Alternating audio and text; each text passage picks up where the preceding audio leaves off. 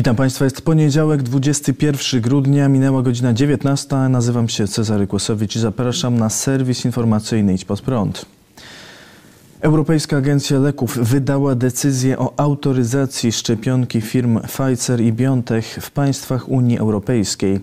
Dziś podczas wideokonferencji ekspertów z Europejskiej Agencji Leków szefowa agencji Emer Cook powiedziała: Szczepionka jest dopuszczona dla osób od 16 roku życia. Pozwala to na autoryzację w Unii Europejskiej. Będzie dostępna we wszystkich krajach Unii jednocześnie. Mamy plan ramowy, jeśli chodzi o kontrolę działania tej szczepionki.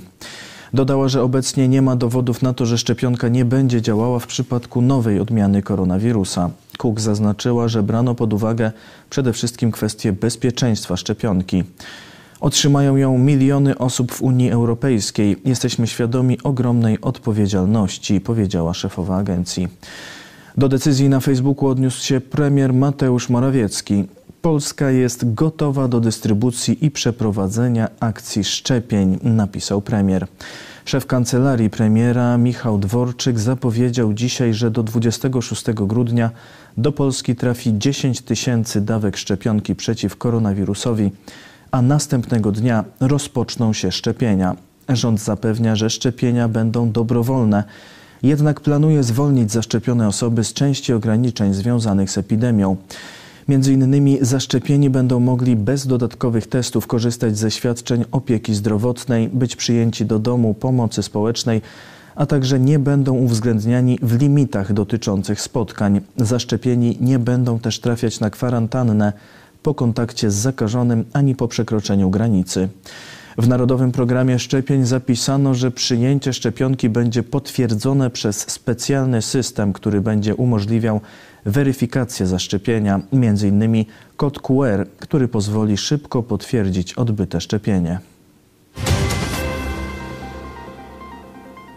Od północy ma obowiązywać zakaz przylotów z Wielkiej Brytanii do Polski. Tak nasz rząd reaguje na wiadomości o nowej odmianie koronawirusa, którą wykryto na wyspach. Według brytyjskich władz może być ona nawet o 70% bardziej zaraźliwa niż wcześniejsza.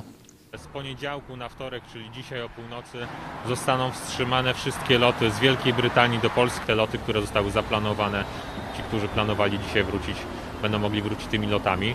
Natomiast e, pozostałe loty zostaną zawieszone od północy. Minister zdrowia, pan Adam Niedzielski, e, wydał dyspozycję e, inspekcji sanitarnej, żeby każda osoba, która dzisiaj lub w ostatnich dniach przybyła do Polski z Wielkiej Brytanii, miała możliwość przeprowadzenia szybkich testów poprzez skierowanie na takie testy przez Sanepid. W związku z tym każda osoba, która w ostatnich dniach mm, przybyła z Wielkiej Brytanii, będzie miała możliwość, aby takim bezpłatnym testom e, się poddać. Profesor Anna Piekarska z Kliniki Chorób Zakaźnych i Hepatologii w Łodzi powiedziała w TVN24, że spodziewa się dużego wzrostu liczby zakażeń w styczniu z powodu większej zakaźności nowej odmiany koronawirusa. Jeżeli teraz mamy około 10 do 12 tysięcy przypadków dziennie i będzie wzrost o kolejne 70% plus aktywność i migracje świąteczne i sylwestrowe, to spodziewamy się dramatycznego wzrostu w styczniu, stwierdziła profesor Piekarska. Już prawie 25,5 tysiąca osób zmarło w Polsce z powodu chińskiego koronawirusa. Ministerstwo Zdrowia podało, że wczoraj zmarło 77 zakażonych osób, w sobotę 143, a w piątek 483. W ciągu minionego weekendu potwierdzono ponad 24 tysiące nowych zakażeń, w tym ponad 4,5 tysiąca wczoraj. Obecnie w szpitalach przebywa ponad 18 300 zakażonych. Respiratora potrzebuje ponad 1700. Poseł porozumienia kwestionuje sylwestrową godzinę policyjną. Podstawa prawna obostrzeń związanych z Sylwestrem jest bardzo mocno wątpliwa. Ja bym radził, żebyśmy traktowali te obostrzenia jako prośbę o odpowiedzialność, powiedział wczoraj w TVN24 polityk koalicyjnej partii Porozumienie Kamil Bortniczuk. Jak wyjaśnia poseł partii Jarosława Gowina, znamy wszyscy konstytucję. Ograniczenia swobód obywatelskich wymagają zmiany ustawowej i ta regulacja ustawowa, która dotyczy spraw covidowych, jest wątpliwa. Gdyby ktoś dostał mandat i poszedł do sądu, jest duże prawdopodobieństwo, że tę sprawę by wygrał. Prezydent Andrzej Duda w wywiadzie dla telewizji polskiej stwierdził, że decyzja o przeprowadzeniu wyborów w lipcu była bardzo dobra. To wszystko na szczęście udało się przeprowadzić. Było, można powiedzieć, takie okienko, w którym te wybory udało się bezpiecznie zrealizować. Na szczęście nie daliśmy się zwieść na manowce wszystkim tym, którzy mówili, że trzeba przełożyć wybory na jesień, bo wszyscy widzieli, co działo się jesienią, jaka trudna do wyobrażenia wtedy latem była tej jesieni liczba zachorowań. W związku z powyższym śmiało można powiedzieć, opatrzność nad nami czuwała, mieliśmy wielkie szczęście, wszystko pod tym względem udało się dobrze przeprowadzić. Wszyscy, którzy chcieli wziąć udział w wyborach, wzięli, powiedział prezydent. Podziękował też za wysoką frekwencję, szczególnie na obszarach wiejskich. Właśnie między innymi dzięki głosom ludzi mieszkających na wsi, dzięki głosom polskich rolników, pełnię urząd prezydenta na drugą kadencję, podkreślił Andrzej Duda.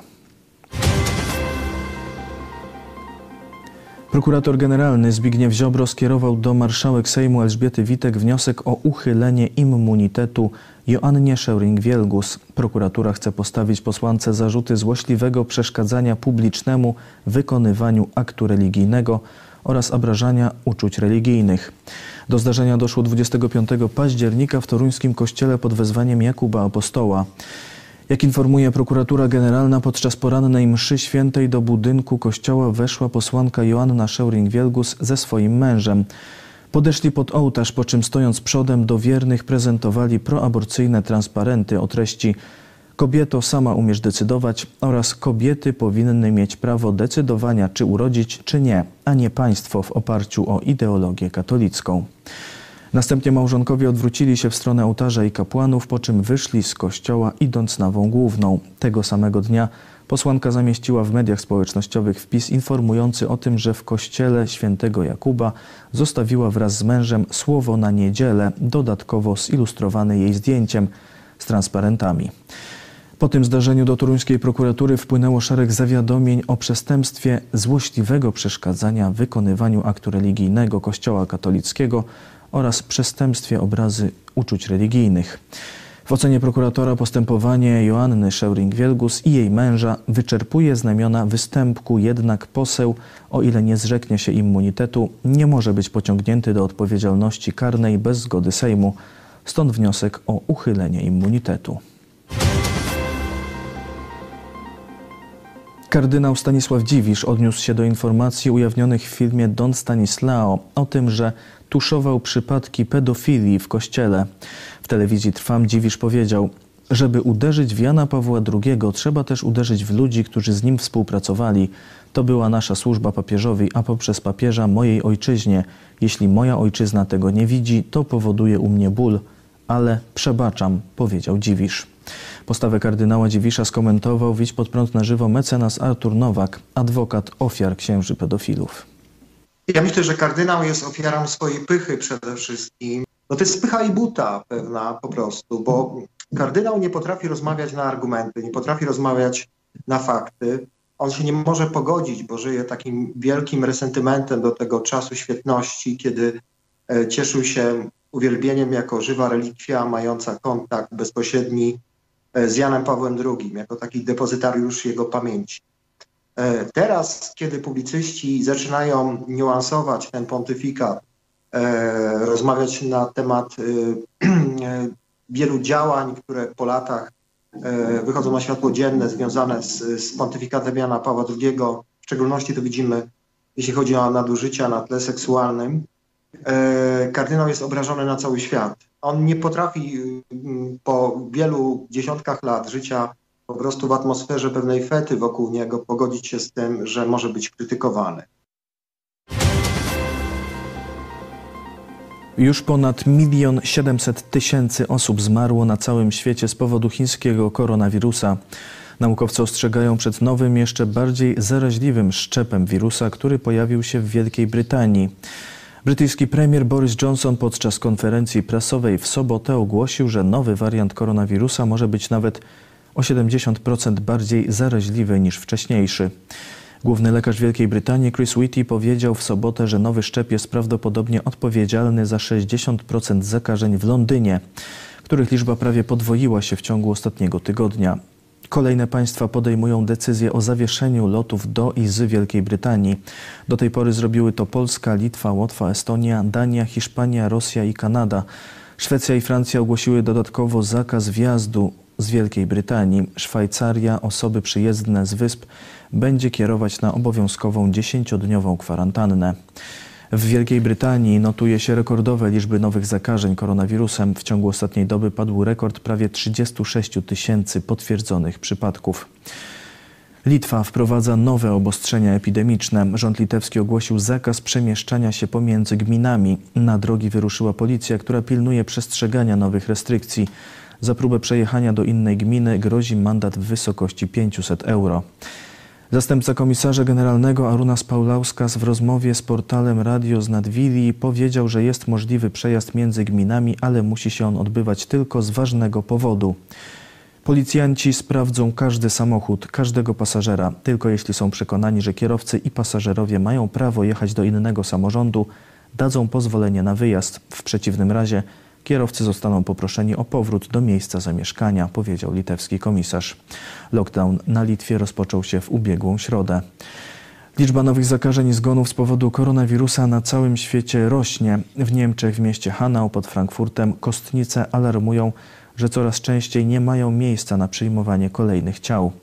Urzędniczka odpowiedzialna za cmentarze i krematoria w Hanau w rozmowie z portalem Sky News poinformowała, że ciała, które nie mieszczą się w kostnicach, trafiają do kontenera transportowego i tam czekają na pochówek. Izrael ogłosił, że rozpoczął szczepienia przeciw koronawirusowi. Jako pierwszy zaszczepił się premier Izraela Benjamin Netanyahu. To mała szczepionka dla człowieka, ale wielki krok dla zdrowia nas wszystkich. Zaszczepcie się, wzywał izraelski premier. Izraelski dziennik Idiot Archronot opublikował wyniki sondażu, według którego 63% Izraelczyków planuje się zaszczepić. Drugą już szczepionkę zatwierdziła amerykańska Agencja do Spraw Żywności i Leków. Preparat wytwarzany jest przez firmę Moderna. Pierwszą szczepionkę dopuszczoną do użytku jest produkt firmy Pfizer. Preparatem tym Amerykanie zaczęli szczepić się dzisiaj. W przypadku obu szczepionek konieczne jest przyjęcie dwóch dawek w odstępie trzech tygodni. Prezydent Chile Sebastian Pinera dostał mandat za to, że poruszał się w miejscu publicznym bez maski. Ministerstwo Zdrowia w Chile ogłosiło, że polityk został przyłapany na niestosowaniu się do restrykcji epidemicznych dwa tygodnie temu i został ukarany grzywną w wysokości 2000 dolarów. Pinera odniósł się do zdarzenia w mediach społecznościowych. Jasne, powinienem założyć maskę, ale ze względu na szybkość zdarzeń tego nie zrobiłem i to był mój błąd. Przepraszam. W Chile za łamanie obostrzeń epidemicznych grozi kara od 400 do 13 600 dolarów grzywny. Nie żyje rosyjski naukowiec, który pracował nad szczepionką na koronawirusa. Ciało 45-letniego Aleksandra Kaganskija zostało znalezione w Petersburgu na ulicy Zamszyna.